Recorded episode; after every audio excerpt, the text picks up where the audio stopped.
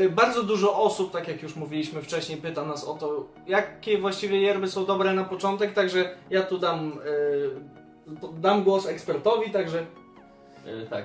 Ja przede wszystkim, e, moje zdanie jest takie, że warto spróbować przede wszystkim yerby z różnych krajów, bo między sobą jest duża rozbieżność między tymi yerbami, chociażby właśnie z Paragwaju czy z Argentyny.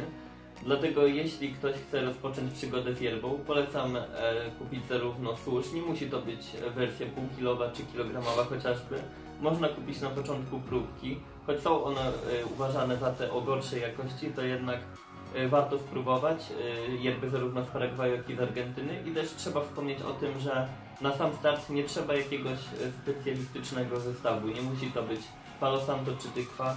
Wystarczy mieć susz i bombiję, aby filtrowała po prostu yerbę. A można pić śmiało e, z dowolnego naczynka, czy to będzie filiżanka, czy jakaś nieduża szklanka, aby było to jak najmniejsze naczynko, choć niektórzy wolą jednak pić tych większych. To zależy od człowieka tak naprawdę. A jakie yerby polecamy na start? E, Może parę, parę e, gatunków powiem, parę marek powiem od siebie. I tutaj jeszcze zaraz chłopaki się wypowiedzą na ten temat. Ja od siebie myślę, że mogę polecić śmiało e, Pajarito.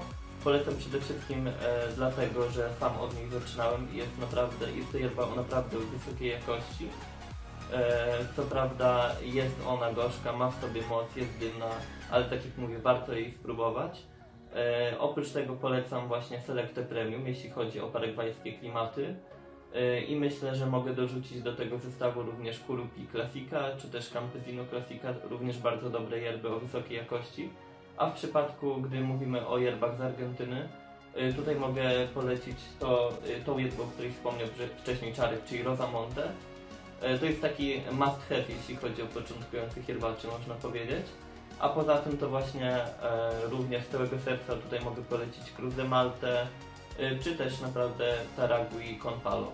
Bardzo dobre yerby według mnie, jeszcze może chłopaki coś uzupełnią tutaj. no powiem Ci, zamknąłeś moją listę już, Trochę nie? się wygadałem, Znaczy-. Z tego wszystkiego to można zwrócić dosyć mocną uwagę na Rosamontę. Dlaczego? Ponieważ z tych wszystkich yerb, które zostały wymienione, ona zdecydowanie jest chyba najmniej gorzka, tak mi się wydaje po smaku, że ona może aż tak bardzo nie odrzucać na pierwszy rzut oka, więc może być bardzo dobrym jakby e, łącznikiem między, no nie piciem yerby po prostu, a piciem takich porządnych jak na przykład Pajarito, czy Selecta, czy Cruz de Malta, które są zdecydowanie jakby mo- mocniejsze. Tak, dlatego pozwól że jeszcze tutaj dopowiem, że jeśli chodzi o moje klimaty, to tak jak mówię, ja wolę bardziej paragwajskie klimaty, jednak osobom początkującym bardziej dorad, doradzam zacznięcie e, picia yerby, zaczęcie picia yerby e, właśnie od marek z Argentyny i właśnie tutaj tak jak mówię, Ja. Amanda czy Taragui, Cruz de Malta Cruz również de Malta zdecydowanie. Play Nie ma, nie ma ale zdecydowanie yerby z Argentyny i chyba chłopaki się